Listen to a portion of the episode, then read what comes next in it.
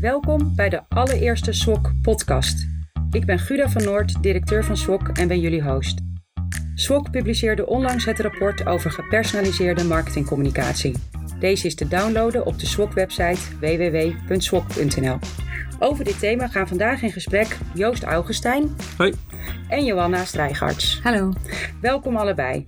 We zijn tegenwoordig via mobiele telefoon, laptops, tablets, pc's, via smartwatches, smart home assistants en ga zo maar door continu bereikbaar en met de wereld in contact. Door het gebruik van deze digitale media worden onnoemelijk veel data van ons als consument verzameld. Deze consumentendata kunnen worden ingezet om marketingcommunicatie aan te passen aan onze persoonlijke kenmerken, interesses en gedrag. Dit is gepersonaliseerde marketingcommunicatie. Andere gangbare termen hiervoor zijn tailoring, targeting, retargeting, personalized en data-driven marketingcommunicatie. Voor bedrijven biedt digitalisering de toegang tot data en het op maat maken van communicatie grote kansen. Voor de consument ligt dit iets anders.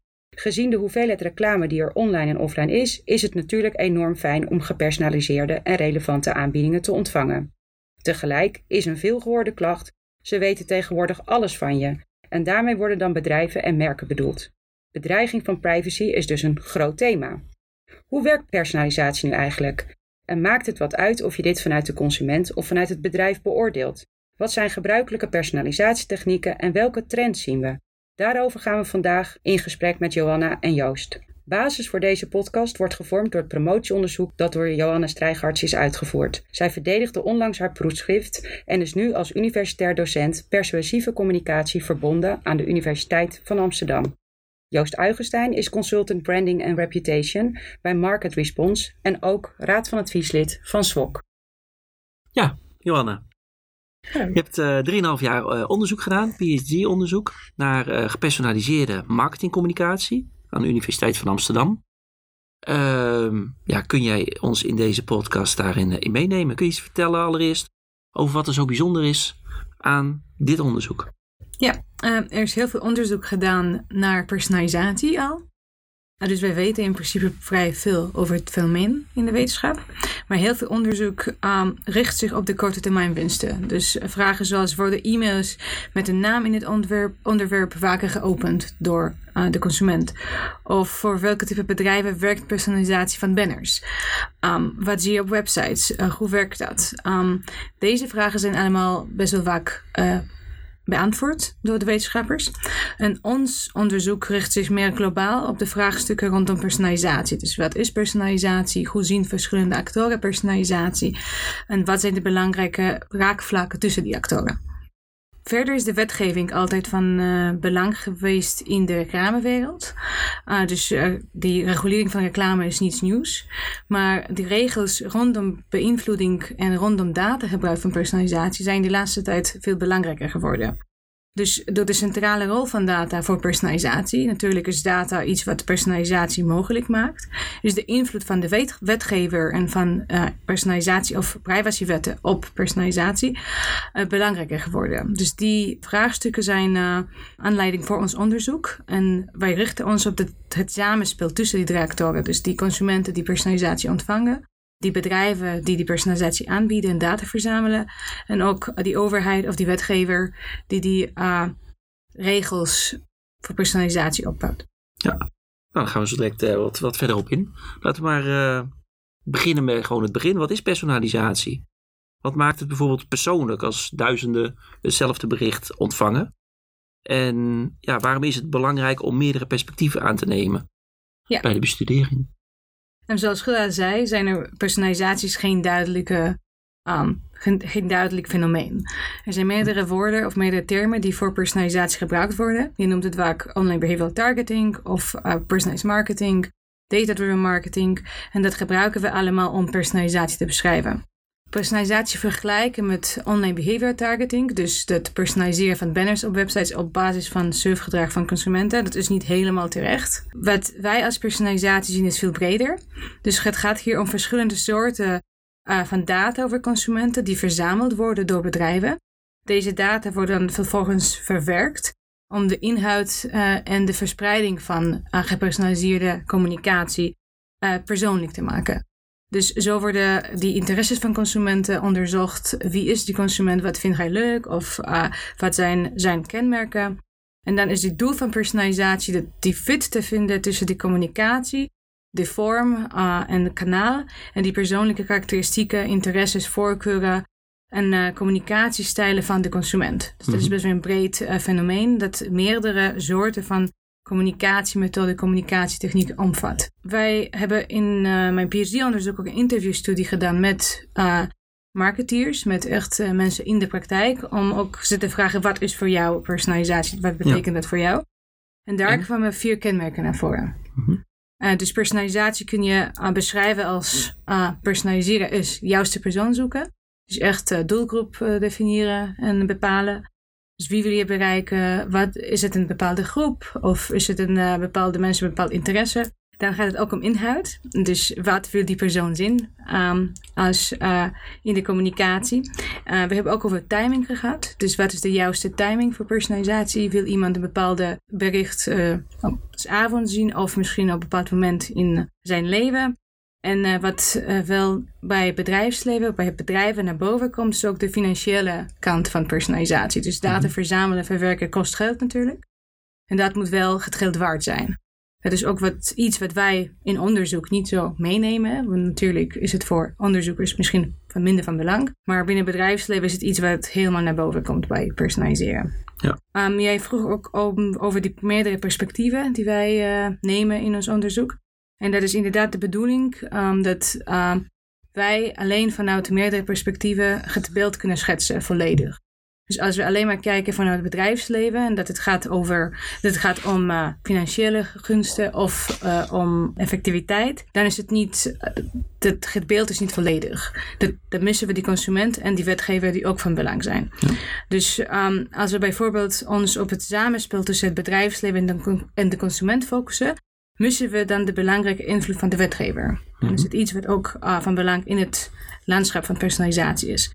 Um, de wetgever heeft invloed op de consument en op het bedrijfsleven door wetten zoals de AVG. En de consument wordt ook empowered, zoals je dat vaak benoemt, door de wetgever. Dus je moet dan zeker alle drie kanten bekijken om dat fenomeen te kunnen beschrijven. Er zijn ook zeker andere actoren die belangrijk zijn, zoals consumentenorganisaties of uh, platforms die meer en meer genoemd worden in, uh, in de context van personalisatie, technologie, technologiebedrijven zoals Google of Apple. Um, die zijn niet meegenomen in ons onderzoek, maar dat is wel iets wat in de toekomst van belang uh, gaat worden. Ja, ja, een boel actoren dan toch. Ja. Um, ja, gedacht wordt dat de communicatie wordt geoptimaliseerd met de gepersonaliseerde marketingcommunicatie.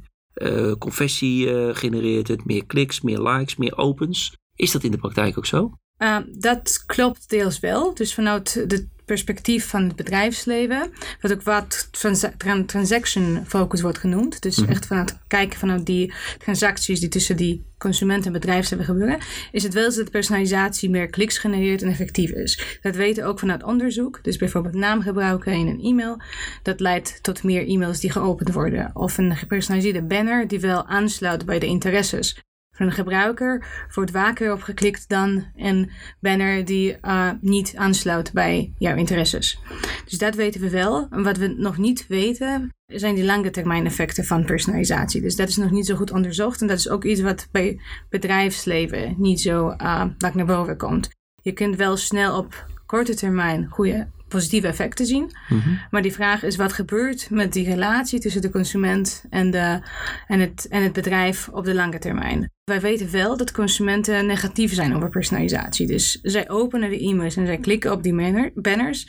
Maar tegelijk vinden ze wel dat personalisatie iets indringends is. En iets wat misschien hun privacy uh, niet waarborgt. Dus hm. de mo mogelijke lange termijn uh, effecten zijn misschien negatief. En dat moet nog onderzocht worden. Wij weten uit, uit ons onderzoek dat bijvoorbeeld chilling effects, dus het, de situatie dat een consument uh, ander gedrag toont door verzamelen van data door bedrijven, is iets wat wel een gevolg kan zijn van personalisatie, maar dat we dat nog niet zien omdat we nog geen lange termijn onderzoeken hebben uitgevoerd.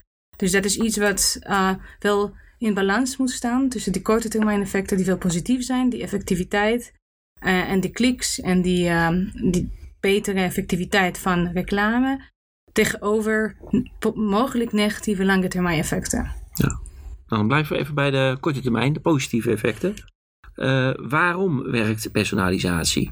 En ja, misschien dat je dat vanuit twee perspectieven kan bekijken. Uh, enerzijds vanuit de consument en anderzijds vanuit bedrijven. Ja, nou, als we over de consument hebben, dan zien ze zeker meerdere voordelen van personalisatie. Het is niet zo dat ze allemaal alleen maar zich zorgen maken en de negatieve kanten zien.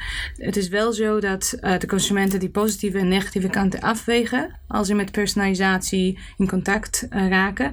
Uh, dat noemen we in de wetenschap die calculus theory. Dus de consument weegt die positieve kanten en negatieve kanten tegenover elkaar.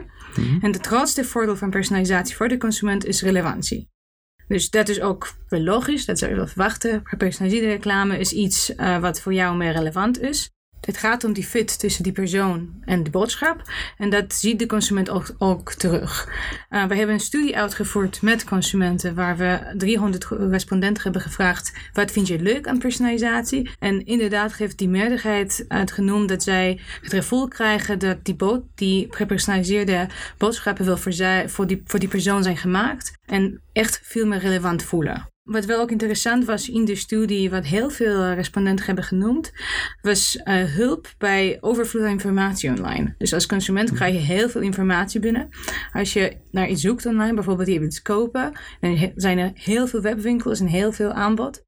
En dan moet je dat kunnen kiezen als consument. Dus uh, personalisatie helpt je om die keuze te beperken. En dat kan ook dat kan negatieve gevolgen hebben, maar ook heel positieve gevolgen. Je hebt niet alle tijd in de wereld om een keuze te maken. Dus je kunt zo personalisatie een hulpje gebruiken online. En nou verder noemen consumenten ook dat gepersonaliseerde advertenties beter zijn. Ze zijn gewoon leuker of mooier of meer interessant. Dus zij vinden het leuker om naar gepersonaliseerde reclame te kijken. Um, wat wel vaak door bedrijfsleven wordt genoemd zijn de financiële voordelen. Dus je stuurt je, je klanten gepersonaliseerde kortingsbonnen, maar dat zien we niet terug bij de consumenten. Zij of weten ze niet dat het gepersonaliseerd is. Dus zij denken of iedereen krijgt de korting en dat is goed zo. Of zien ze dat niet als een voordeel aan personalisatie. Dus dat was niet echt vaak genoemd, wat, wat voor ons wel verrassend was. Ja, grappig. Ja. En dat zou je wel verwachten, dus directe voordeel geldt. Ja. Maar ja, dat is niet zo voor de consument. Het is wel vaker genoemd door bedrijfsleven. Mhm. Dus dat je dan wel die relatie met die consument persoonlijker maakt, bijvoorbeeld door kortingen. Maar vanuit het bedrijfsleven wordt het wel op twee manieren gekeken naar die voordelen en de effectiviteit van personalisatie. Dus zoals ik al eerder noemde, heb je die transactiefocus. Dus echt die focus op verkopen en meer kliks. Dus directe korte termijn effecten. En aan die andere kant heb je um, zogenoemde purchase funnel focus, waar je die consument in die purchase funnel probeert te lokken om op lange termijn uh, die relatie met de consument uh, te kunnen opbouwen. En als je naar die purchase funnel focus kijkt, uh, gaat het echt om contact met de klant en de meer persoonlijke relatie die je door gebruik van data kunt opbouwen en die lange termijn doelen. Is jouw doel meer bijvoorbeeld meer awareness onder je klanten. Dus je wil jouw bedrijf bekendmaken. En dat wordt vaak vergeleken door bedrijven of door marketeers die personalisatie toepassen met een gewone bezoek aan een winkel. Dus als je naar een winkel gaat, dan weet je, dan zie je de klant. En als, dan zie je, is hij met kinderen of niet? En dan kun je je communicaties ter aanpassen over wat je aanbiedt. En dat wordt vaak vergeleken met die lange termijn effecten. Je kunt langzaam een profiel opbouwen. En dan meer, gaat het meer naar zo'n traditionele, gewone winkelsituatie. Waar je echt met je klant een band hebt. Ja, ehm, ja dat is hoe het werkt. En wanneer het werkt. Wanneer werkt personalisatie niet? En misschien ook weer vanuit die twee perspectieven. Vanuit de consument en vanuit het bedrijf. Ja, dat, zijn, uh, dat is wel een goede vraag. Die bedrijfsleven en consumenten kijken heel anders uh, naar um, die antwoord hierop. Dus voor bedrijfsleven werkt personalisatie niet als het niet tot betere resultaten leidt vergeleken met generieke reclame. Dus um, zoals ik eerder zei, is data iets wat centraal staat bij personalisatie. Uh, je moet genoeg goede data hebben om te kunnen personaliseren. Om die fit tussen die consument uh, en je boodschap te vinden. En als personalisatie wel extra geld kost, uh, maar niks oplevert, is het wel, um, werkt het dan niet vanuit het perspectief van het bedrijf. Je kan ook bijvoorbeeld zien dat mensen bepaalde consumenten afhakken door personalisatie. Of um, minder kopen of minder, minder van, de aan, van hun aanbod zien als ze gepersonaliseerde boodschappen krijgen. Dus bijvoorbeeld wat, uh, wat één bedrijf noemde in de interviews die we hebben gedaan, was het probleem van uh, advertising bubbles, hebben ze dat genoemd. Mm um, dus uh, dat is het idee dat als jij alles personaliseert, dus bijvoorbeeld nieuwsbrieven die nu vaak gepersonaliseerd worden, dan krijgt de klant alleen maar dingen dat jij denkt dat die klant leuk vindt of nodig heeft. En dat klopt niet altijd, want die data is nooit perfect. En dan heb je het probleem dat er misschien wel producten zijn of diensten die de klant wel leuk zou vinden of nodig zou hebben. Maar die bied jij niet aan die klant aan. Van, jij dat zit niet in de data. Ja, inderdaad. Dat zit niet in de data. Dus er zijn nu bedrijven bijvoorbeeld die wel het kunnen proberen op te lossen door zogenoemde, um, volgens mij noemen ze dat uh, rescue bubbles. Dus in een nieuwsbrief zet je helemaal beneden random informatie, echt, echt uh, toevallige informatie die jij genereert, die niet gepersonaliseerd is, om die klant wel iets nieuws te kunnen aanbieden. Zo kun je dan uh, het probleem proberen te oplossen. En vanuit de consument gekeken, mm -hmm. zij ervaren veel meer nadelen van personalisatie. In de studie die we hebben uitgevoerd onder consumenten en ze gevraagd van hey, wat vind jij leuk en wat niet leuk, hebben ze wel significant meer nadelen kunnen noemen dan voordelen van personalisatie. Dat is wel iets wat veel bedrijven niet uh, aan denken als ze personaliseren. Meer nadelen dan voordelen ja, significant meer. Dus echt okay. uh, veel meer. Wat noemen ze? En dan noemden ze vooral privacyrisico's. Dus uh, ze konden niet echt uitleggen waarom ze dat privacyrisico wel erin zien. Maar ze hebben wel genoemd van ja, ik vind het wel niet goed voor mijn privacy. En wij denken wel dat het door bijvoorbeeld de media-aandacht voor privacy komt. Dus jij als consument hoort heel veel over privacy en dat het misschien uh, niet helemaal veilig is of wat er met je data gebeurt. En maar dan weet je niet precies wat het risico is. En dan weet je dat personalisatie iets met data heeft te maken, maar niet precies wat het is. Uh, dus dan denk je precies meteen aan, oh ja, dat gaat om privacyrisico's en dat wil ik niet per se. Ja. Dat is het eerste wat ze, wat ze hebben genoemd. Uh, wat wel vanuit bedrijfsperspectief wel belangrijk is, is die um, onmacht die wij hebben in meerdere studies gevonden onder consumenten. Mm -hmm. Dus zij hebben het gevoel dat ze niks aan kunnen doen die personalisatie gebeurt. En allemaal mensen en bedrijven verzamelen mijn data, die verwerken dat, die gebruiken daarvoor iets. Uh, maar ik weet niet precies wat het is en wat met die data gebeurt en wie zijn dat allemaal. En uh, meerdere respondenten noemden het Big Brother gevoel. Dus dat ze echt het gevoel hebben uh, dat iedereen ze volgt, maar zij niks aan kunnen doen. Ja. En dat is ook iets wat in onze studies negatieve gevolgen geeft voor attitude tegenover personalisatie en effectiviteit van personalisatie. Dat is wel belangrijk voor om na te denken als je personaliseert en data gebruikt. Het is ook belangrijk te beseffen dat er andere zorgen zijn dan alleen privacy. Uh, dus over privacy wordt er vaak gesproken. Dat is ook het, in het nieuws een groot onderwerp. Maar sommige respondenten noemden ook bijvoorbeeld gebrek aan autonomie. Dus ik kan niet meer zelf beslissen wat ik online zie. En dat is iemand anders dat het voor mij doet. En dat vind ik niet prettig als persoon. Dus ik wil zelf kunnen beslissen wat ik lees of zie. Uh, er zijn ook mensen die een beetje bang zijn voor discriminatie. Dus die zeggen: hey, ik weet niet wat ik te zien krijg en wat mijn uh, buurman te zien krijgt. Misschien word ik gediscrimineerd qua kortingen of prijzen of informatie die ik krijg. Het gaat ook vaak over ongelijkheid. Nou, dat sluit een beetje aan bij die onmacht en die controle of uh, verlies aan controle. Dus die bedrijf, het bedrijfsleven heeft alle macht in hun handen. En ik als consument niks. Dus ik voel me heel ongelijk tegenover het bedrijfsleven. En dat geeft ook negatieve gevolgen voor attitude, wat je van personalisatie vindt. Ja, een soort black box eigenlijk. Uh, welke data hebben ze allemaal? Wat doen ze ermee? Jazeker. Dus dat ja. we zien we zeker dat consumenten dat niet helemaal goed begrijpen. Terwijl er best wel veel informatie online wordt aangeboden. Want je ja. ziet allemaal die pop-ups die je krijgt bij cookies en zo. En daar staat meestal die informatie van welke data wordt verzameld en waarom. Ja. Maar dat helpt niet uh, om de consument gerust te stellen. Van hé, hey, dat is uh, allemaal goed geregeld. Er komen al heel veel verschillende vormen van personalisatie uh, voorbij. Um, hoe ontwikkelt het zich op dit moment? Wat, wat zijn bijvoorbeeld laatste toepassingen? Wat zijn nieuwe, nieuwe toepassingen? Ja, er zijn nu, wat, wat, wat we nu zien zijn nieuwe data die verzameld en gebruikt wordt voor personalisatie. Maar wat misschien voor meer bedrijven van belang is, is die prijs van personalisatie naar beneden gaat. Dus die personalisatie wordt steeds goedkoper, zo te zeggen. Dus toegang tot data is nu mogelijk voor meer bedrijven. Um, er zijn platforms zoals uh, Google hm. die data verzamelen en verwerken. Dus jij hoeft als een klein bedrijf het niet zelf te doen. En je kunt personaliseren met uh, DoubleClick of met Facebook uh, zonder kosten. Dus dat met personalisatie mogelijk voor kleine bedrijven, voor NGO's en voor bredere scala aan, aan bedrijven. Je koopt het gewoon van Google. Ja, inderdaad. Je koopt het gewoon. Het is een dienst dat je inkoopt. Je kiest daar met klikjes. Ik wil uh, mannen uh, die in Amsterdam wonen bereiken. En dat kun jij nu doen als klein bedrijfje.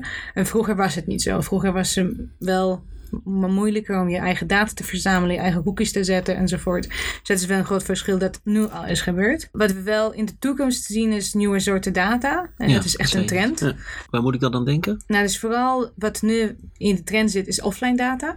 Dus wat we tot nu toe hebben gedaan was vaak oh, binnen personalisatie ging het vaak over gedrag, online gedrag. Dus waarop je klikt of wat eh, zoek je in een webshop of wat zit je in je winkelmandje in een webshop. Maar nu gaat het meer over hoe, wat doe je offline. Dus niet op je telefoon en in je laptop, maar echt in je, in je leven. En nieuwe technieken zoals zogenoemde synced advertising gebruiken die offline data. En synced advertising gaat sterk over je tv-gedrag. Dus echt je offline tv-kijkgedrag. En daar wordt informatie verzameld over welke programma kijk jij, eh, hoe laat. En daar wordt het live gepersonaliseerd op basis bijvoorbeeld van, van je tv-kijkgedrag. Dat is iets helemaal nieuws. En dat gaat echt helemaal niet over je online gedrag. Dat is helemaal weg van eh, kliks.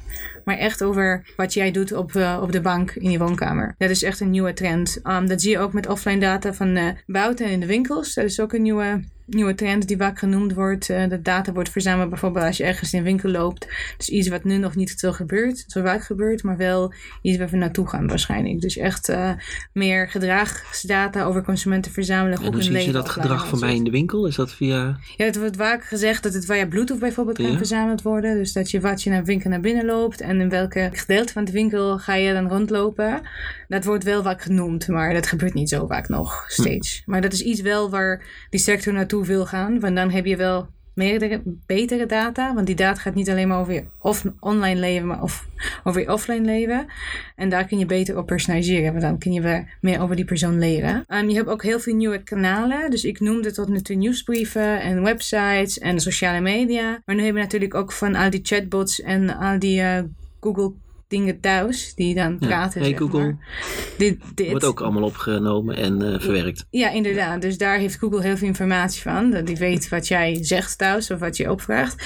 Maar daar kun je ook personalisatie eh, toepassen en reclame aanbieden. Want je- als je zegt geen Google, ik wil iets kopen, dan zegt die Google iets terug. En dan kun je dat, die informatie ook personaliseren. Ja. En dat is ook heel anders dan gewoon online een banner lezen of banner bekijken.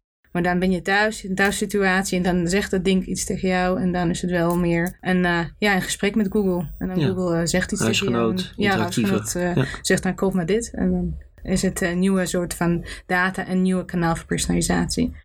Wat wel van belang is, um, een beetje aan die andere kant van ontwikkelingen binnen personalisatie, is niet alleen maar technologie.